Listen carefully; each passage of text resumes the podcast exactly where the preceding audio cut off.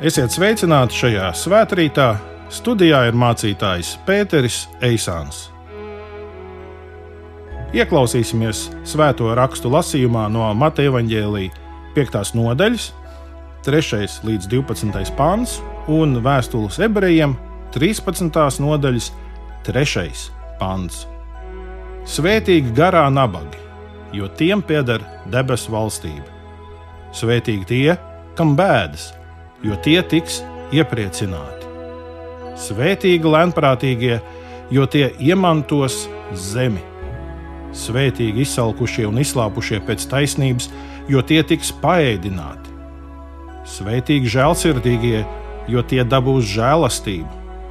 Svētīgi sirdsčīstie, jo tie dievu redzēs. Svētīgi miera nesēji, jo tie tiks saukti par dieva bērniem. Svētīgi taisnības dēļ vajātie, jo tiem pieder debesu valstība. Svētīgi jūs esat, ja jūs lamā un vajā, un ar meliem par jums runā visu ļaunu, manis dēļ.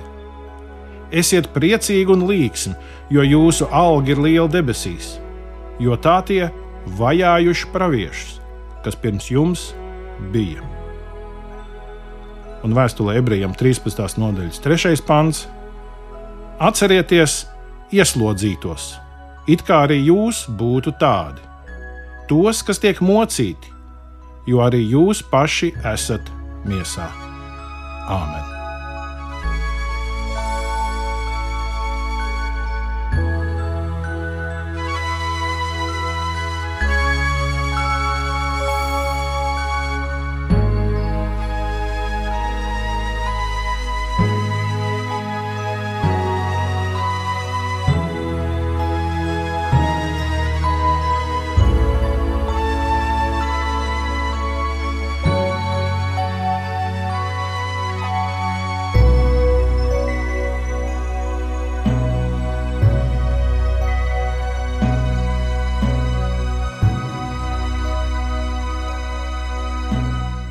Kalnu svētkrunu mēdz apzīmēt dažādi.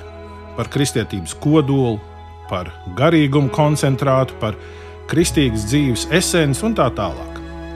Jā, Kalnu svētkrunu pilnīgi noteikti ir viens no populārākajiem Bībeles tekstiem. Arī es šodien to lietoju šim svētbrīdim. Taču es gribu vērst uzmanību uz vienu niansi, kas, manuprāt, bieži paliek nepamanīta vai tai pārskrien pāri gan Bībeles lasītāji, gan Bībeles skaidrotāji. Kad klausos kristiešu sarunas vai arī mācītāju svētrunas par Jēzus kalnu svētrunu, tad radās iespējas, ka cilvēkiem ļoti patīk sadzirdēt šīs kalna runas apsolījumus, tos, kas attiecināti uz mācekļiem, jo tur ir šī apsolījuma daļa. Tiem pieder debesu valstība, tie tiks iepriecināti, tie iemantos zemi, tie tiks paēdināti, tie dabūs žēlastību, tie dievu redzēs. Tie tiks saukti par dieva bērniem, tiem pieder debesu valstība. Un kamēr par šiem runā vai šos lasa, tikmēr visi apmierinājumā māja ar galvu un klusībā saka savu āmeni, un viss ir labi. Un tad nāk 11. pāns, kur mēs lasām: Svētīgi jūs esat, ja jūs lamā un vajā, un ar meliem par jums runā visu ļaunu manis dēļ. Tie ir Jēzus vārdi. Svētīgi jūs esat! Jā, Jēzus runā par svētībām un īpaši klātbūtni un žēlastību kalnu svētdienā. Jēzus runā par sātumu, par iepriecu, par tik īpašu dieva pieredzi, ka cilvēks var teikt, es dievu esmu redzējis. Taču Jēzus arī pasaka, atcerieties, viņi vajāja praviešus viņi vajāja arī mani, un viņi vajās jūs. Mācekļu ceļš tas nav tikai uzvara, tas nav tikai gaišais svētību ceļš, tur ir daudz izaicinājumu, un tur ir arī vajāšanas. Tādēļ Jēzus saka, svētīgi jūs esat, ja jūs lamā un vajā un ar meliem par jums runā visu ļaunu manis dēļ. Ja tas viss notiek Jēzus un viņa evaņģēlīja dēļ, tad esam svētīgi. Jāsaka, ka reizēm esmu redzējis, ka kādi kristieši saņem pamatotu nosodījumu par savu muļķību, par neizdarību, par nezināšanu vai pat pārkāpumu un grēku. Nu, kā tā senajā teicienā, muļķis pat baznīcā dabūs pērienu. Nevienā brīdī Jēzus nesaka, ka svētīgi ir saņemt vajāšanas tāpēc, ka esi bijis nekompetents, nejēga vai muļķis. Ne visas ciešanas kristieša dzīvē ir, tā sacīt, Jēzus dēļ. Ļoti daudz ir paša radītas ciešanas. Un kristieši, kas šo atšķirību starp vajāšanām paša muļķības dēļ un vajāšanām Jēzus evaņģēlīja dēļ neapzinās, tie ir pārāk lepni un iedomīgi, un viņi domā, ka visa pasaule rotē ap viņu personu. Ka viņu personība un komunikācijas maniera ir tāda, kā ap viņiem spriedz un konflikto viņi nepamana. Ka viņu raksturs ir daudz nepilnībām, kas izraisa spriedzi apkārtējos un arī pašiem ciešanas. Un reizēm viņi neredz šo savu atbildību un saka, jā, bet pasaulē Kristus krusts ir piedauzība. Varbūt realitāte ir kaut kas cits. Skolā, draugu pulkā, darba kolektīvā, kašķīgā rakstura dēļ cilvēki tevi grib noraidīt. Vairāk noraidīt tevi tev rakstuma dēļ, nevis Kristus piedaudzības dēļ. Tādēļ no tā ir jāuzmanās. Taču Jēzus arī brīdina, ka būs vajāšanas, kas nebūs nekādā mērā saistāmas ar kristiešu personību, ar raksturu, uz uzvedību, bet ar identitāti. Būs reizes, kad Jēzus sekotāji tiks vajāti vienkārši Jēzus un evaņģēlīja dēļ, tādēļ, ka viņiem ir cits kungs, viņi ir no citas valstības nekā pārējiem. Tikai tādēļ, ka tā ir viņa identitāte, kas ir kaut kas līdzīgs kā tautība vai pat tādas krāsas, tā ir tik dziļa daļa no tava es, ka no tā nav iespējams atteikties. Un Jēzus saka, ja jūs lamās, apmelos, vajās, diskriminēs, iebiedēs, apspiedīs manis dēļ, tad jūs esat svētīgi. Vajāšanas Kristus dēļ vienmēr ir bijušas. Es uzaugu kristiešu ģimenē PSRS laikos, un nekad es nebiju nec oktobrēns, nec pionieris, nec komjaunietis, un es piedzīvoju to savādāku attieksmi pret sevi, tādēļ, ka es biju atšķirīgais. Mans tēvs tika izmests no inženieru darba rūpnīcā, jo viņš atteicās iestāties partijā un publiski novērsties no ticības, kas tika no viņa prasīts. Viņš to nedarīja, viņu izmeta. Mans onkls bija ķīmijas skolotājs, un arī viņam pieprasīja publiski aizliegt savu ticību Jēzum, un to viņš nedarīja. Un vairs nekad mūžā viņš nestrādāja savā profesijā. Tā bija sistēma, kas cilvēkus biedēja un kas kārdināja ar kompromisu. Nu, atsakies no ticības, nu, pasaki tos vārdus, un tu varēsi iestāties rindā uz dzīvokli, uz mašīnu. Tev būs tālās tās uz siltajām zemēm brīvdienas pie Melnās jūras. Tu varēsi iepirkties speciālajos veiklos, tur būs desa un citi labumi. Bet, ja nē, aita būs slikti. Jā, mūsu pagātnē ir šīs diskriminācijas un vajāšanas, ko kristieši piedzīvoja. Bet kristiešu vajāšanas notiek arī joprojām. Katru dienu. Pasaulē katru gadu tiek diskriminēti un vajāti 250 miljoni kristiešu. Bieži vien tie ir dažādi nepatīkami ierobežojumi, citreiz vietējā kopiena uzliek kaut kādas papildu nodevas, reizēm tie draudi dzīvībai un veselībai. Kopš 2014. gada es katru gadu braucu uz tuvajiem austrumiem, un man ir bijusi tuva saskarsme ar kristiešu bēgļiem no Irākas. Nu, izņēmums, protams, ir Covid laiks, ka nekur nevarēja braukt, bet citādi tas notiek.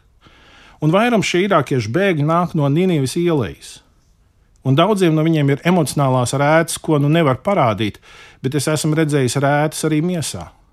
Varbūt visšokējošākās rētas bija vienam jaunam irākiešu vīrietim, kuru spīdzināja islāma valsts kaujinieki, un elektrības vados sasēja viņa kājas un pakāra viņu ar galvu uz leju uz ilgu laiku un tā viņi darīja vairākas dienas pēc kārtas. Viņš tika brīvībā un viņš izbēga, bet pie potītēm bija briesmīgas rētas, vēl vairākus gadus vēlāk, kādas nekad nebiju redzējis. Kopš šā gada janvāra es divreiz mēnesī ierakstu podkāstu par vajātajiem kristiešiem pasaulē, un podkāstu nosaukums ir vajātie.lv. Nav pārāk radošs nosaukums, bet aizvadītajā svētdienā atkal nu, man ir saruna, un es ar vienu cilvēku, Latviju, kas ir bijis Indijā un kalpojis ar kristiešiem, mēs runājamies par to pieredzi, kā ir kristiešiem būt Indijā.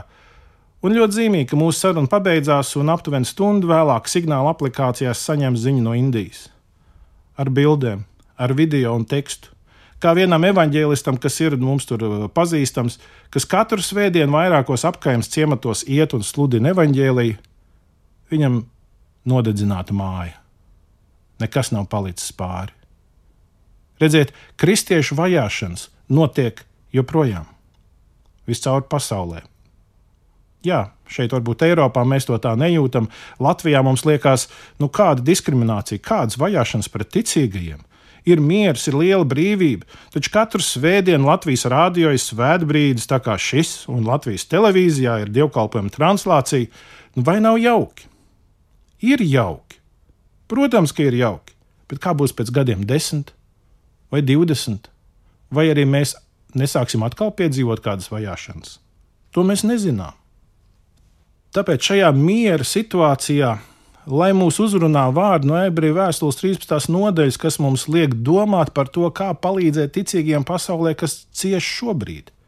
Un šie vārdi sekojošie: atcerieties, ieslodzītos, it kā arī jūs būtu tādi, tos, kas tiek mocīti, jo arī paši esat miesā. Un šis nav vārds par kriminālu noziedzniekiem, šis ir vārds par tiem, kas bija ieslodzīti ticības dēļ pirmajā gadsimtā. Viņu vienīgais noziegums bija tas, ka viņi nepielūdz ķēzaru, viņi pielūdz dzīvo dievu. Pieminiet ieslodzītos, atcerieties ieslodzītos. Šis vārds, ko tulko no oriģināla teksta, kā atcerieties vai pieminiet, nav tāds tikai pasīvs, kas kaut ko atsauc atmiņā, kādu informāciju. Tas ir vārds, kas izmaina notikumu gaitu. Tas ir tieši tas pats vārds, ko pie krusta viens no ļaundariem saka Kristum. Mēs lasām Lūkas evanģēlijā. Viņš saka, Jēzu, piemini mani, kad tu nāksi savā valstībā. Ko tad viņš sagaidīja no Jēzus, ka Jēzus vienkārši atcerēsies, ah, nu tur bija tāds fakts, tur bija nu, tas vīriņš, kas tur karājās pie krusta. Tas otrs bija ļoti lecīgs, bet šis gan bija tāds lāga zēns. Tātad, vai viņš sagaida, ka Jēzus vienkārši atcerēsies informāciju par viņu? Nē, viņš saka, Jēzum, piemini mani, jo viņš sagaida, ka Jēzus viņu atceroties un pieminot, tur būs kādas sekas, tur būs kaut kāds rezultāts, tur būs kaut kas mainījies. Jēzus ne tikai atcerēsies, viņš rīkosies, viņš mainīs notikumu gaitu. Tādēļ, ja aicinājums mums ir atcerēties tos, kas cieši ticības dēļ, ko tas sevi ietver? Tas, protams, sevi ietver to nozīmi būt informētam par to ka mēs lasām, ka mēs domājam, ka mēs interesējamies, kā iet kristiešiem arī citur pasaulē. Nē, ne tikai mums, mūsu pilsētā, mūsu ciematā, bet kā iet citās zemēs. Ka mēs meklējam Latvijas kristīgajā periodikā vai interneta resursos šeit, Latvijā un pasaulē kādu informāciju jeb arī, ka mēs sekojam tiem cilvēkiem, kas sociālajos tīklos vai Facebook profilā ieliek informāciju par to, centies būt uh, informēts, saprast, kas notiek pasaulē, lai vari vienkārši orientēties tajā notikuma plūdumā un nebūt tikai iecentrēts uz sevi un savām vajadzībām vien. Bet atcerēties un pieminēt nozīmē arī iesaistīties, lai būtu kaut kāds rezultāts, jo tas jau bija tas, ko šis Vīrs pie krusta sakot, Jēzum, piemini mani, kad tu nāc savā valstībā. Viņš jau sagaidīja, ka būs arī kāds labums no tā. Atcerēties un pieminēt nozīmē arī iesaistīties. Kā? Kā tu vari iesaistīties, kā tu vari panākt kaut kādu rezultātu? Nu, viens ir tas, ka es esmu dzirdējis, ka Latvijā reizēm ir bijušas kaut kādas, kur draudzes vai organizācijas rīko kaut kādas akcijas diskriminēto un vajāto kristiešu atbalstam ja tādas notiek, centies iesaistīties. Taču man liekas, ir vēl viena lieta, kur var vēl būtiskāk un pilnīgi noteikti katrs ticīgais, katrs kristietis iesaistīties Latvijā. Un šis ir atbalsts ar lūgšanām. Iedomājieties, ir aptuveni 50 valsts, kurās notiek visvairāk šīs vajāšanas, un tas aptver aptuveni 90% no uh, visiem cilvēkiem, kas uh, šo vajāšanu piedzīvo ja tu katru nedēļu par vienu no šīm valstīm aizlūgtu, gada laikā tu būtu aptuveni 90% visas problēmas aptvērs, šīs valsts ar lūgšanām noklājis. Vai tu vari katru nedēļu par vienu no šīm valstīm lūgt, Vai tu varētu apņemties to ieviest savā tādā paradumā, lūkšanu paradumā? Varbūt, ka varētu. No vienas puses mums liekas, lūkšana, kas tas ir, bet tā ir būtiska un neatsverama. Nu, ļaujiet man noslēgumā pastāstīt vienu stāstu. 2015. gada decembrī Čehs Pēters Jašeks devās uz Sudānu. Viņš strādāja vienā kristīgā organizācijā, un Ziemeļāfrikas valstīs viņš apzināja vietējās kristiešu kopienas un dokumentēja diskrimināciju un vajāšanas, ko tās piedzīvo. Un pēc šīs vizītes, dodoties mājap, viņš lidostā tika arestēts. Viņu apsūdzēja spiegošanā, notiesāja uz 12 gadiem Sudānas cietumā. Tad, nu, tagad pārblīvētajā cietuma kamerā viņš bija ieslodzīts, un e, viņš nevarēja paziņot nedz sievai, nedz kādam tuviniekam vai draugam, kas ar viņu noticis. Viņš vienkārši neieradās atpakaļ Eiropā. Un, esot cietumā, pārblīvētā kamerā, tur arī bija ISIS musulmaņu teroristi starp tiem visiem cietumniekiem, un viņi pazemoja viņu un darīja viņam pāri. Un kā vēlāk viņš teica, viņam likās, ka viņš neizturēs nec fiziski, nec psiholoģiski. Taču tad bija pavērsiens. Kaut viņam bija atņemts madrats, un viņam bija jāguļ uz grīdas. Viņš devās gulēt katru vakaru deviņos, lai pirms ar saulēktu musulmaņu ceļās uz savām rīta lūkšanām, viņš varētu piecelties agrāk un vienatnē varētu klusi pielūgt Kristu. Jo viņš saprata, bez tā viņam nebūs spēka izdzīvot, viņam nebūs spēka izturēt. Tādēļ viņš centās iet laicīgi gulēt. Un viņš brīnījās par mieru, kas viņa sirdī katru vakaru. Kaut viens no šiem ISIS teroristiem bija Lībijā griezis galvas nost kristiešiem. Viņš mierīgi apgulās un mierīgi aizmiga un nogulēja līdz rītam un bija atpūties. Tikai pēc vairākiem mēnešiem, kad jau bija iespējams atkal sazināties ar tuviniekiem, tur diplomātiskais korpus iesaistījās, viņš sāka sazināties ar savu ģimeni, un viņš uzzināja, ka tad, kad viņš pazuda, viņa sieva informēja draugu, un draugs Čehijā, uzzinot par viņu pazušanu Sudānā, sāka vakaros rīkot organizētu aizlūgšanu par viņu. Un draugs instalēja aplikāciju, kas viņam atgādina katru vakaru, pulksten astoņos vakarā, no astoņiem līdz deviņiem, lūgt par viņu, nezinot, kas tieši ar viņu noticis. Bet viņš katru vakaru deviņos gāja gulēt. Vai te nav nobīde?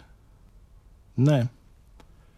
Ir viena stundu laiks joslā starpība starp Čehiju un Sudānu. Un tad, kad Čehijā bija astoņi vakarā, viņam Sudānā bija deviņi vakarā. Un tad, kad viņš gāja pie miera, draugu lūdzu, viņš varēja atpūsties, viņš varēja netraucēt gulēt, un viņš izdzīvoja. Un Petrs Jašeks saka, pēc tam, kad viņš tika atbrīvots, bez draudzes aizlūgšanām es nebūtu varējis izturēt. Reiz kā jaunam mācītājam, arī man draudzes locekli Lidija Lasman teica, mēs runājam arī par lūkšanas spēku. Viņa teica, mācītāji, tu nevari iedomāties, cik daudz man nozīmē toreiz, kad es biju vieninieka kamerā, ka es zināju, ka par mani Dievu lūdzu. Mīļie, tā nav maza lieta. Ja mēs varam tiem kas cieš Kristus un evaņģēlīja dēļ, kas tiek mocīti, par viņiem iestāties lūgšanās, ļoti bieži pat nezinot viņus vārdā saukt. Tā nav maza lieta, un apstuļi to mums mācīja.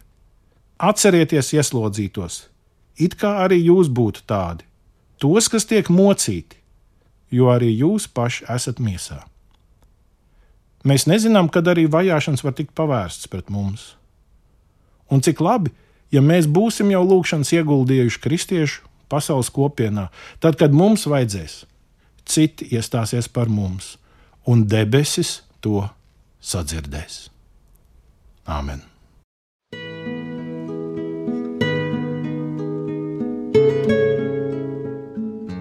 Mūžīgais Dievs, Tēvs, Dēls un Svētais Gars.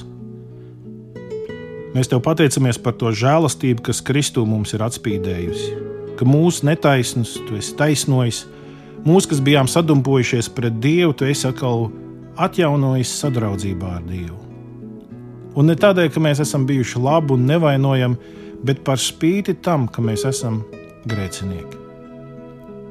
Un, kungs, tad nu, mēs šodien gribētu arī ne tikai vērst lūgšanas un domāt par sevi, par saviem dzīves izaicinājumiem, kas no kuram ir, citam ir mājās, citam darbā, citam sadzīvē, citam pašam sevī, savā raksturā, ir mums daudz dažādu izaicinājumu. Un paldies, ka mums ir šī dievišķā palīdzība pieejama, ka tad, kad mēs saprotam, ka tas ir pārpa mūsu spējām vadīt un organizēt, menedžēt savu dzīvi, mums ir spēks no augšas pieejams. Paldies, Kungs, par to apziņu. Paldies par svētā gara klātbūtni, ko mēs varam piedzīvot, kad esam tavā ģimenē un ejam tavā ceļā. Tad, kad nespēcīgi esam, mēs piedzīvojam arī to, ka tu mūs nes. Paldies, Kungs, par to! Bet šajā dienā es gribētu, ka mēs no Latvijas varētu tiešām savus arī lūgšanas un svētības sūtīt māsām un brāļiem tajā zemēs, kur ir daudz diskrimināciju un dažādu veidu grūtības tieši kristiešiem viņa ticības dēļ. Tādēļ, ka viņi ir Kristus cilvēki, ka viņi Kristu pielūdz un nezemojās citu priekšā. Kungs, mēs lūdzam par tiem, kuriem katra iešana uz sapulci ir risks risks gan no valdības puses, ka viņus varētu arestēt vai ieslodzīt. Reizēm tas ir risks no vietējās kopienas, ka pēc tam viņus apsmēja vai viņus fiziski kaut kā iespaido. Bet, kungs, mēs tev lūdzam, ka viņi atrod prieku svētajā garā, tad, kad viņi ir draudzes vidū, lai viņi tiek piepildīti no tava svētā gara, tad, kad viņi vienatnē, tad, kad viņi lasa tavu vārdu un lūdz. Un mēs tev lūdzam arī Tur, kur ir šie draudi un šīs e, nepatīkamās situācijas, kaut kristieši var būt miera nesēji. Un tie, kas viņus apsūdz kā ļaundarus, lai ir kaunā, jo viņu dzīve liecina par pretējo.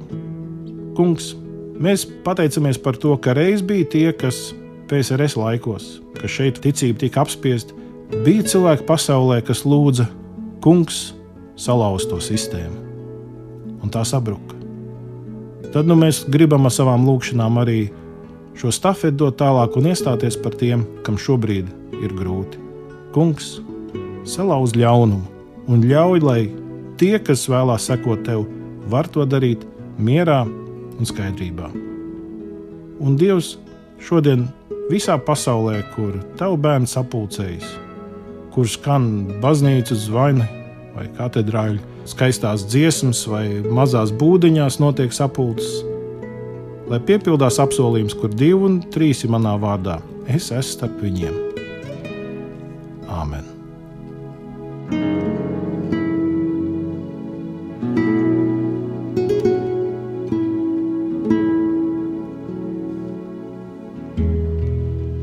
Šajā svētkrītā kopā ar jums bija mācītājs Pēteris Eisāns.